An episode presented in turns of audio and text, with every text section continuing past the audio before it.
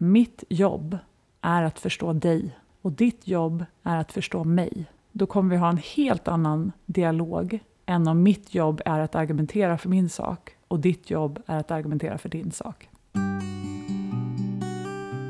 Varmt välkommen till Det inre skiftet, en podcast om att leva autentiskt med mig, Helena Anneby.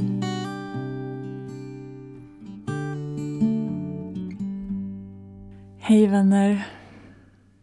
Hur är det att vara du idag? Hur mår ditt hjärta? Vilket är ditt interna väder?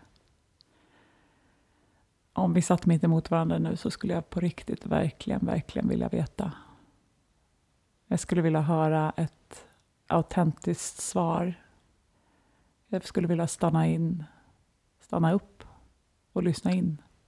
Jag älskar samtal och kommunikation samtidigt som det är ju det och relationer är väl det svåraste vi håller på med och de kanske hänger tätt ihop. För Det är så lätt att det blir fel. Men jag skulle verkligen vilja kalla mig själv för samtalsnörd, eller vill. Jag tror att jag behöver kalla mig själv för samtalsnörd. Det är så mycket av mitt liv som cirkulerar kring samtal och kvaliteten på samtal. Och min livskvalitet eh, känns väldigt mycket utifrån vilken typ av samtal som pågår i mitt liv. Och framför allt kontakten som samtalen skapar eller leder till. Så det ska vi prata om idag. Det viktiga samtalet, det autentiska samtalet och några perspektiv som jag har med mig från att ha funderat väldigt mycket på det här, jobbat väldigt mycket med det här. Jag utbildar också mycket eh, chefer och ledare i just kommunikation och samtal. Och från min egen bakgrund som HR-ansvarig och jobbat mycket med den typen av frågor, organisationsutveckling och ledarskapsutveckling. Och förstås coaching i massa år, så är det förstås centralt för mig och jag tror mig ha mycket att eh, dela kring det samtidigt som utforskandet pågår. Ständigt, alltid. Jag blir aldrig klar. jag vill också nämna att jag eh, från och med nu kommer öppna upp för one-off coaching mentorsessioner. Eh, jag har inte erbjudit det tidigare för att mitt djupgående fyra månaders program eh, är förstås fortfarande liksom mitt eh, djupaste erbjudande att jobba individuellt med mig och det är ju över tid som vi verkligen kan skapa förändring och transformation. Och samtidigt så är det så många av er som har frågat efter det och jag tror att på 90 minuter som jag valt att lägga det på så kan vi också komma en bra bit om du har något specifikt område som du vill jobba med. Men mer info om det i slutet av det här avsnittet och i poddbeskrivningen förstås. Innan vi gör någonting annat så landar vi. jag känner att jag behöver tillåta mig själv att också komma hit. Ut ur huvudet och ner i kroppen. Jag noterar hur jag sitter mot underlaget och hur mina händer är knutna i varann. Som att det både är skönt och lite begränsande. Så jag lossar lite på mina fingrar och känner på mina fingertoppar med tummarna. Det kändes levande, närvaro, skapande. Som att det hjälper mig att komma ner i kroppen och faktiskt jobba med en sensation känna på känseln i mina fingertoppar. Det är också en landning, också en grundning. Så gör vad du behöver för att komma hit. För att känna dig närvarande, här. Jag har en komplicerad relation med frågan Hur är läget? What's up? Den där hälsningsfrasen som vi så ofta börjar med och apropå att jag faktiskt kallar mig för samtalsnörd så tänker jag att en vanlig människa, vem nu det är, skulle väl bara säga ja, ja det är bra. Och jag menar, oftast svarar jag ju så. Men det är någonting som skaver i mig varje gång jag får frågan och det är ju inte särskilt oofta. Men min, min eh, instinkt blir liksom, mm, utifrån vilket perspektiv? Hur mycket tid har du? Pratar vi själsligt, emotionellt, fysiskt, praktiskt, eh, känslomässigt, eh, mentalt? Vad, vilken nivå vill du ha svaret på? Vill du ha ett just, just nu-svar eller vill du ha ett snitt på den senaste veckan eller den senaste månaden? Vad är det du egentligen vill veta? Och ska jag på riktigt svara? Eller vill du bara att jag bara ska säga fine, eller det är bra? Och jag fattar ju jag, att det här är någonting som vi håller på med och som vi säger till varandra. Men det skaver i mig varje gång jag faktiskt svarar något slentrianmässigt. För det är ju inte alltid sant. Och den som frågar kanske faktiskt inte hade utrymme just då att höra svaret. Men jag tänker det som ett exempel på varför ställer vi frågan om vi inte vill veta svaret eller om vi inte har utrymme att lyssna in?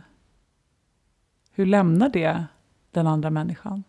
Säg att jag går igenom någonting jätte, jättejobbigt och någon säger i kaffeautomaten, hej hur är läget? Samtidigt som man är på väg därifrån, eller what's up? Och så behöver jag faktiskt säga för att jag väljer att vara sann, nej det är inget bra. Okej, okay, eh, eh, då blir ju liksom den andra personen, antingen så ljuger vi ju och säger nej men det är fine, fast det inte alls är fine. Eller så säger vi som det är och då blir det ju lätt obekvämt. För den andra personen var ju på väg till nästa möte redan och hade inte möjlighet att lyssna in till det svaret. Eh, men jag upplever att fler och fler faktiskt är sanna i de situationerna och säger nej det är skit. Liksom. Och det kan man ju säga på ett sätt, alltså man kan säga det rakt ut utan att förvänta sig någonting.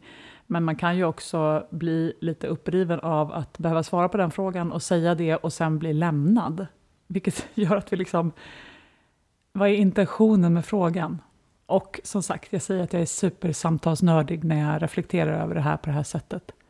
För det är väl inte så himla viktigt, herregud. Låt folk få fråga hur läget och säga bra. Liksom. Men jag kan också tycka att om jag inte har tid och vill hälsa på någon så kan jag ju säga vad fint att se dig. Eller eh, ge en komplimang om någonting. Eller kommentera någonting om världen eller göra någonting som gör att eh, den här snabba interaktionen faktiskt kan fortsätta vara sann. Jag tror att det är det vi egentligen söker. Ibland så tänker jag att jag snör in mig på ämnena som vi pratar om.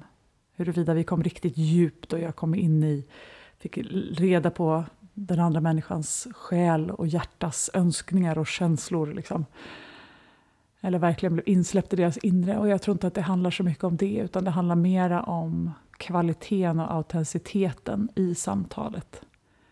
Känns det sant? Känns det närvarande? Känns det nyfiket och öppet? Eller har jag redan bestämt mig och faktiskt inte riktigt lyssnar? Och jag tror att det är det som är allas vår längtan i alla sammanhang. Vi behöver få bli sedda, hörda och bekräftade.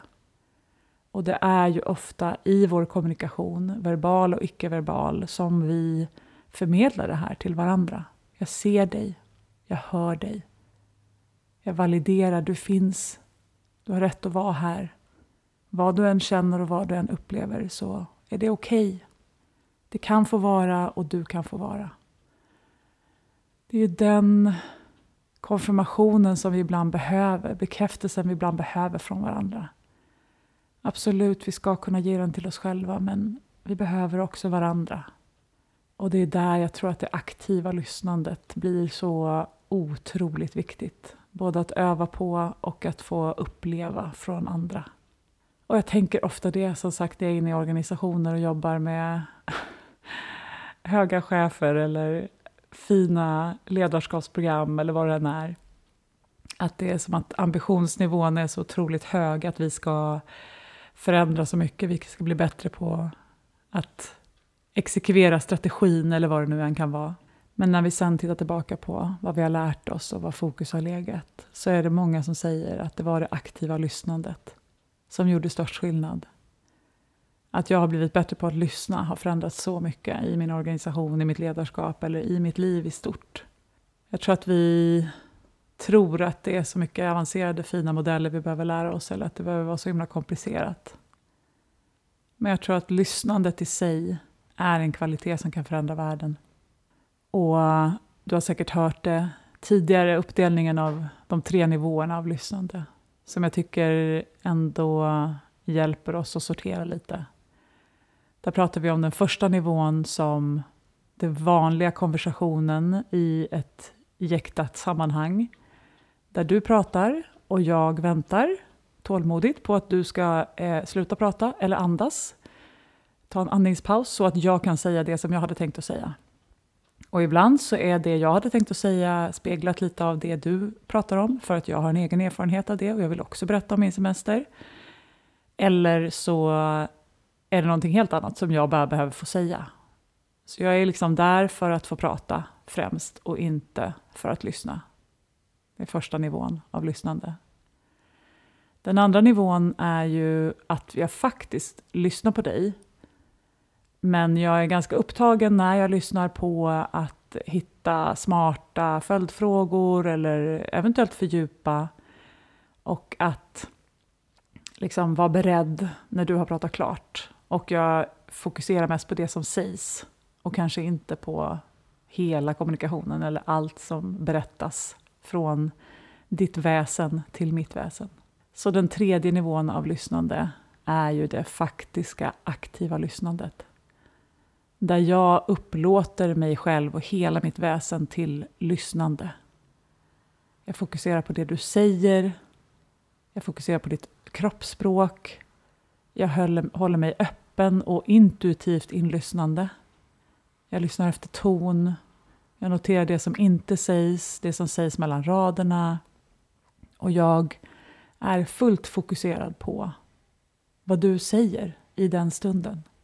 Det är mitt primära fokus, vilket gör att jag faktiskt inte riktigt har kapacitet till att hålla på och fundera på vad jag eventuellt ska säga när du har pratat klart. För jag är ganska ointresserad också av när du har pratat klart, utan jag är bara där med full närvaro och tar in öppet och nyfiket utan att nödvändigtvis behöva veta eller ens vilja veta vad som kommer sen. Eller tro mig, jag har hört den här storyn förut. Eller tro mig, känna dig så väl så att jag inte ens behöver lyssna på slutet på storyn. Eller din upplevelse av verkligheten just nu. Och det är ju den här typen av lyssnande som är egentligen det sanna lyssnandet. Eller det mest aktiva lyssnandet.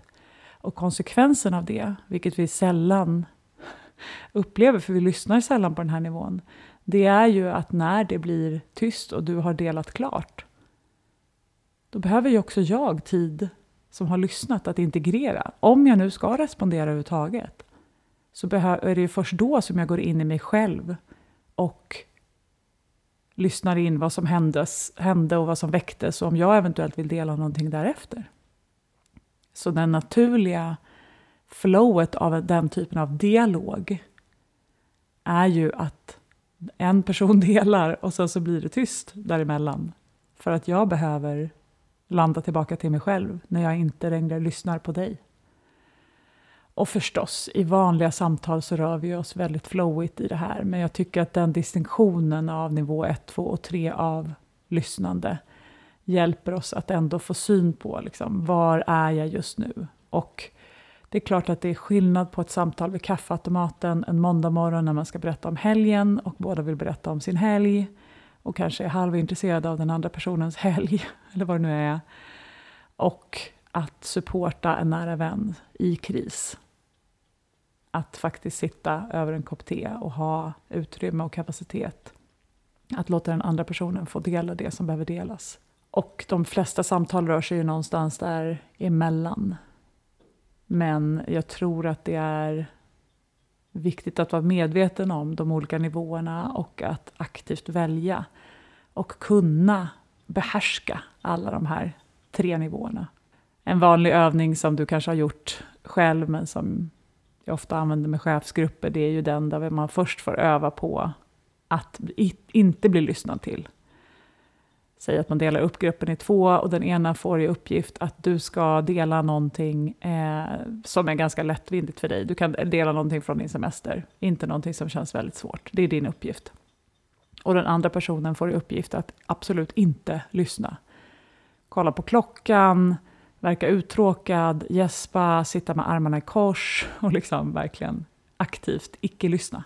Och den personen som berättar visste ju inte om att det var det, den instruktionen som den andra har fått. Men det brukar ju, man brukar ju förstå det ganska fort. Men man får ju också liksom uppleva känslan av hur otroligt obehagligt det är. Både att inte lyssna, att aktivt inte lyssna och att inte bli lyssnad till. Och vilka konsekvenser det får. Det brukar liksom vara en ögonöppnare. Och sen går vi förstås vidare till nästa övning, vilket handlar om att aktivt lyssna. Och att öva på det. Och att faktiskt få fundera över hur känns skillnaden här? Vad var annorlunda i det aktiva lyssnandet versus det icke-aktiva lyssnandet? Och vad gjorde det med dig? Många människor, när någon aktivt inte lyssnar, blir ju väldigt stressade av det konstiga beteendet hos den andra och kanske liksom släpper sig själv helt och hållet, kan inte fokusera på det de skulle berätta, för de blir så oroliga för den andra. Va, hur, hur mår du? Hur går det? Va, va, vad hände? Liksom. För vi vill ha den här kontakten och vi blir skitstressade om vi inte upplever kontakten. Så jag tror att alla de här grejerna vi gör för att bli medvetna om vad vi själva är hjälper oss att göra medvetna val när vi interagerar med andra. Och också på precis samma sätt att, att bli bättre på att be om det vi behöver. Det finns ju ett fint talesätt som jag inte vet var det kommer ifrån, men att fokusera mer på att förstå än att bli förstådd. Och om båda personerna i en interaktion går in med det fokuset, mitt jobb är att förstå dig och ditt jobb är att förstå mig, då kommer vi ha en helt annan dialog än om mitt jobb är att argumentera för min sak och ditt jobb är att argumentera för din sak.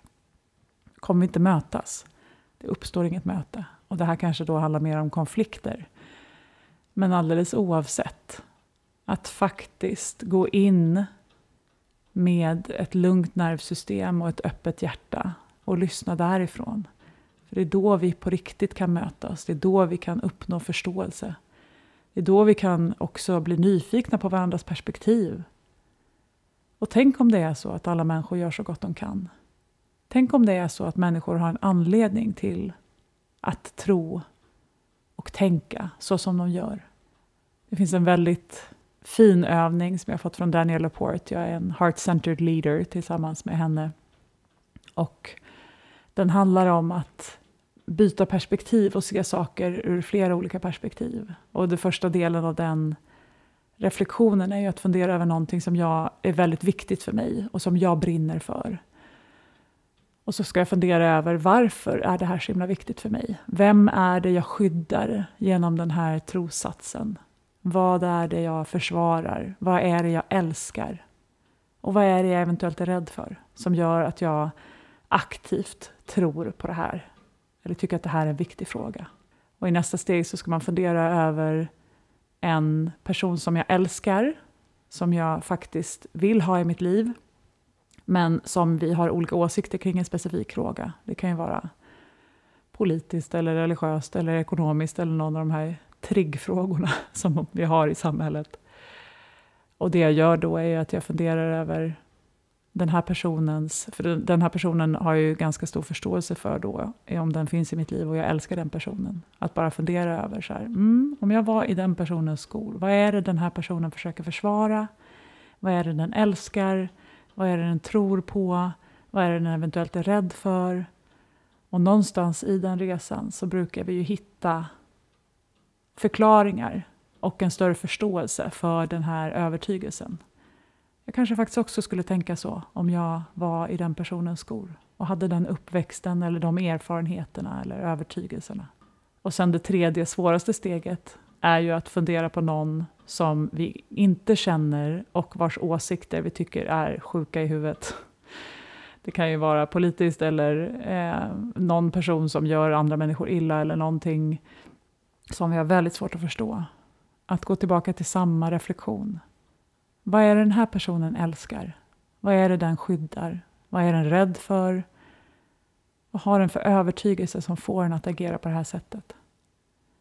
Och det handlar ju inte om att vi behöver tycka som dem eller tycka att det är okej. Okay. Men det handlar om att skapa mer förståelse. Och jag tror att det är förståelse vi behöver för att kunna mötas. Och en öppenhet och nyfikenhet för att faktiskt lyssna. Och kunna ta in andra människor.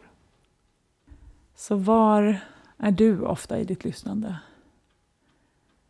Och har du reflekterat över hur skönt det faktiskt är att bara lyssna?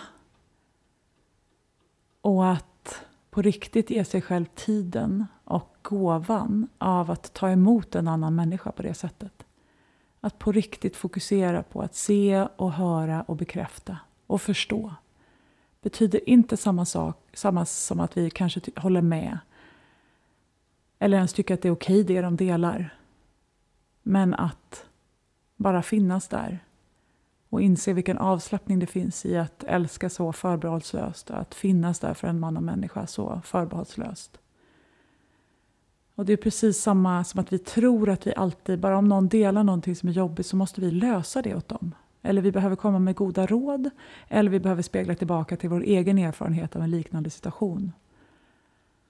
Och jag tror att den frågan behöver vi också bli bättre på att ställa. Vill du ha råd eller vill du bara att jag ska lyssna? Och oftare än inte så vill vi bara bli lyssnade till. Vi behöver få höras. Och jag minns för många år sedan när jag började jobba med det feminina ledarskapet. Jag åkte på min första women's, vad heter det? Nordic Women's Gathering heter det, 2018. Och delvis innan det så blev jag inbjuden till min första sharing circle. En sharing circle är en cirkel där vi delar under en begränsad tid precis vad som helst. Säg att du får tre minuter på dig och den öppna frågan är hur är det att vara du just nu? Eller vad vill delas från dig just nu? Och att i det, de där tre minuterna bara få utforska själv. Att provprata, att uttrycka det som behöver uttryckas utan att det nödvändigtvis behöver make sense för de som lyssnar. Du behöver, inte, du behöver inte berätta för att berätta en story utan du kan få tala för att du behöver få dela. Och att ibland kanske det är tystnad, ibland kanske det är gråt, ibland kanske det är skratt. Ibland kanske det är frustration eller bara sitta med en känsla. Men alla andra i cirkeln är bara där för att bara, bara lyssna. De håller spacet för dig. Och du får stå i den centrala punkten under de där minuterna och bli helt sedd och hörd och bekräftad. Och när du har delat så delas eventuellt ett tack. Men inga kommentarer, inga speglingar, inga råd. Det som sägs i cirkeln stannar i cirkeln. Och om du specifikt vill ha stöd och hjälp så kan du ju förstås be om det. Men det är oftast inte det som behövs. Och de här sharing circles har verkligen blivit ett stående inslag i mitt liv. Dels för att jag tycker att det är så häftigt och vilsamt. Men det är också så jag umgås med många av mina vänner idag. Att vi gör incheckningar när vi ses. Vi delar helt öppet. Men vi har också i Whatsapp eller voice memos i vilket forum som helst så delar vi för att checka in med oss själva främst men också bli hållna i det. Jag har bland annat en cirkel där vi har gått igenom så mycket tillsammans i den här sharing circle på Whatsapp de senaste åren. Ibland så är det fem minuters delningar, ibland så är det 40 minuter. Ibland så hörs vi varje dag, ibland så går det en månad mellan gångerna. Men det där forumet finns där för att få dela det som behöver delas när det behöver delas. Och överenskommelsen mellan oss är att när vi har lyssnat på en delning så skickar vi de här emoji-händerna som visar att jag håller och så tre hjärtan och en emoji. Och det är ju också för att oavsett om vi delar något som är härligt eller roligt eller traumatiskt eller svårt eller lätt eller vad det än är så blir reaktionen ungefär densamma. Att vi inte lägger in så mycket värdering i oj, oj, oj, det här var stort, det måste vara jobbigt för dig, stackars dig. Vi går liksom inte in i dramat. Utan vi bara håller. Jag finns här, jag hör dig, jag ser dig. Att få dela på det sättet och bli lyssnad till på det sättet tror jag är så läkande. Och jag tror att det är så många människor som längtar efter den kontakten som uppstår. Den friheten, den autenticiteten, samhörigheten. För är det någonting, och det vet jag att jag sagt förut, men som är det största privilegiet av att jobba med det som jag jobbar med, så är det att jag så ofta blir insläppt. Och om det är någonting som jag lär mig av att bli insläppt hos så många människor, det är ju att vi är så lika. Men många människor känner sig väldigt ensamma för de vet inte om att det finns många fler som känner på liknande sätt. Eller som har varit med om liknande saker eller som bär på samma typer av rädslor eller samma typ av skam, samma typ av sorg. Men vi vet liksom inte om det för att vi står vid kaffeautomaten och frågar hur läget Bra. Men det kanske faktiskt inte är sant. Och återigen, jag tror som sagt inte att det nödvändigtvis behöver handla om innehållet eller att vi alltid behöver vara så himla djupa och, och svåra och gräva så mycket. Det är ju min tendens att jag älskar att vara i det där djupa mörka men jag övar ju också väldigt mycket på att vara i det lätta och ljusare. Det finns ingen värdering i det. Och jag märker också att jag verkligen kan i autentiska relationer verkligen älska och prata om någonting helt befängt eller helt meningslöst. Eh, för att vi fortfarande är i kontakt när vi gör det. Och det påminner mig om en vän till mig brukade alltid prata om samtalstrappan. Att på första trappsteget så har vi samtal som rör sig kring typ väder och vind och tv-serier. På andra trappsteget så har vi samtal som rör sig om andra människor och andra människors drama, vilket också är en sådär connector. Vi kan skapa lite vi och dem genom att prata om andra människor. Det tredje samtalssteget handlar om att prata om mig själv och min egen upplevelse. Och det fjärde samtalssteget handlar om att prata om dig och mig och vår relation och vår verklighet, delade verklighet just nu. Och samtalsstegen pekar ju på eventuell svårighetsgrad i samtalet eller sårbarhetsgrad i samtalet. Men jag tycker att det är intressant att jag under väldigt lång period hade jag otroligt svårt att röra mig bara någon annanstans än på samtalssteg tre och fyra. Alltså prata om mig själv och min egen upplevelse eller prata om mig och den andra personen och det som är levande där. Jag hade så svårt att prata om saker som inte var levande just då, prata om andra människor eller prata om väder och vind.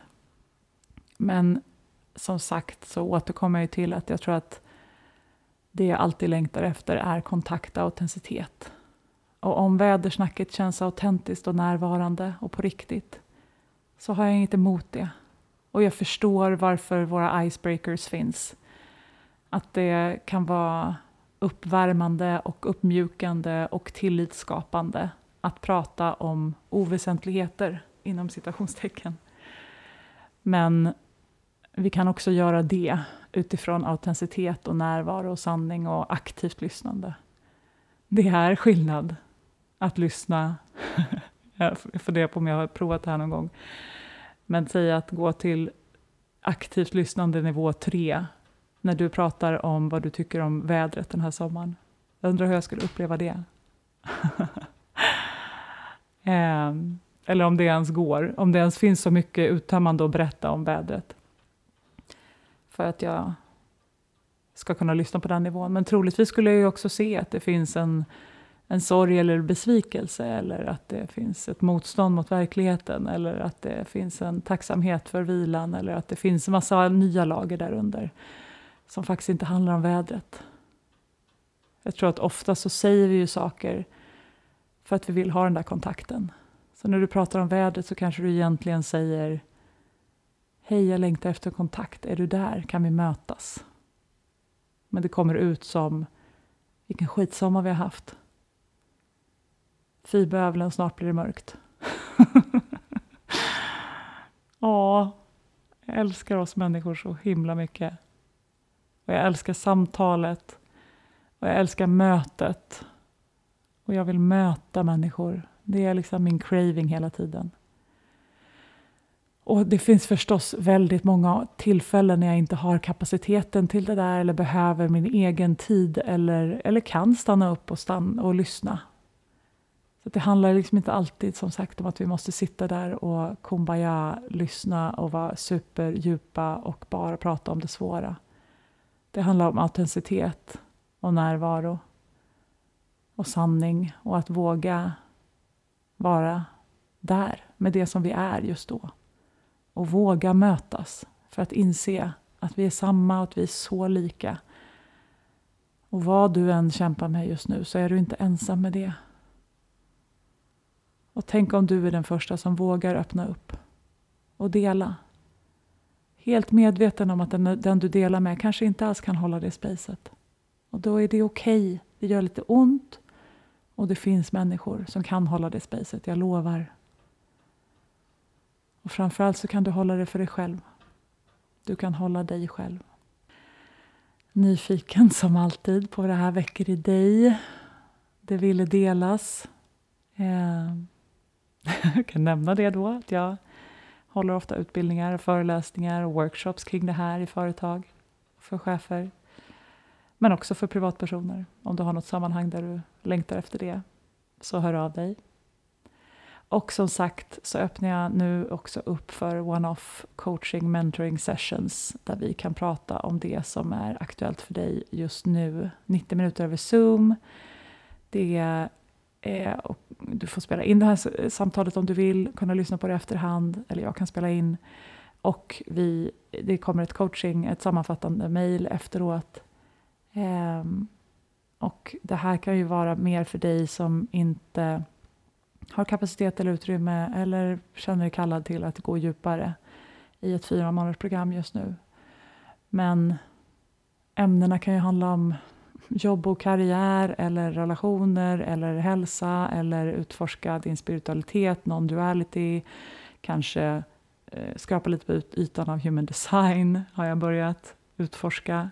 Men jag är verkligen ny på den resan. Men de viktigaste delarna har jag ändå fångat upp. Eller om du bara vill bli guidad i meditation eller hitta din egen, dina egna rutiner eller vad det än kan vara. Fördjupa din relation med din intuition inte minst. Om du känner dig kallad till det så går det nu att boka via mail. Jag lägger in den eh, i poddbeskrivningen. Så fortsätt att utforska det autentiska, det sanna samtalet. Dela vad, du, vad det här väcker i dig. Dela podden om den resonerar med dig. Och uh, stay true. Var du. Tack för att du är här. Tack för att du lyssnar.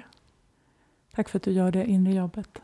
Tack för att du är du med all min kärlek. Vi hörs snart igen. Om du är nyfiken på coaching, intuitionsarbete, mina böcker, onlinekurser eller vad som är aktuellt just nu så hittar du mig på Instagram under Helena Onneby eller via min hemsida helenaonneby.com Signa gärna upp dig för mina love letters via länken i poddbeskrivningen.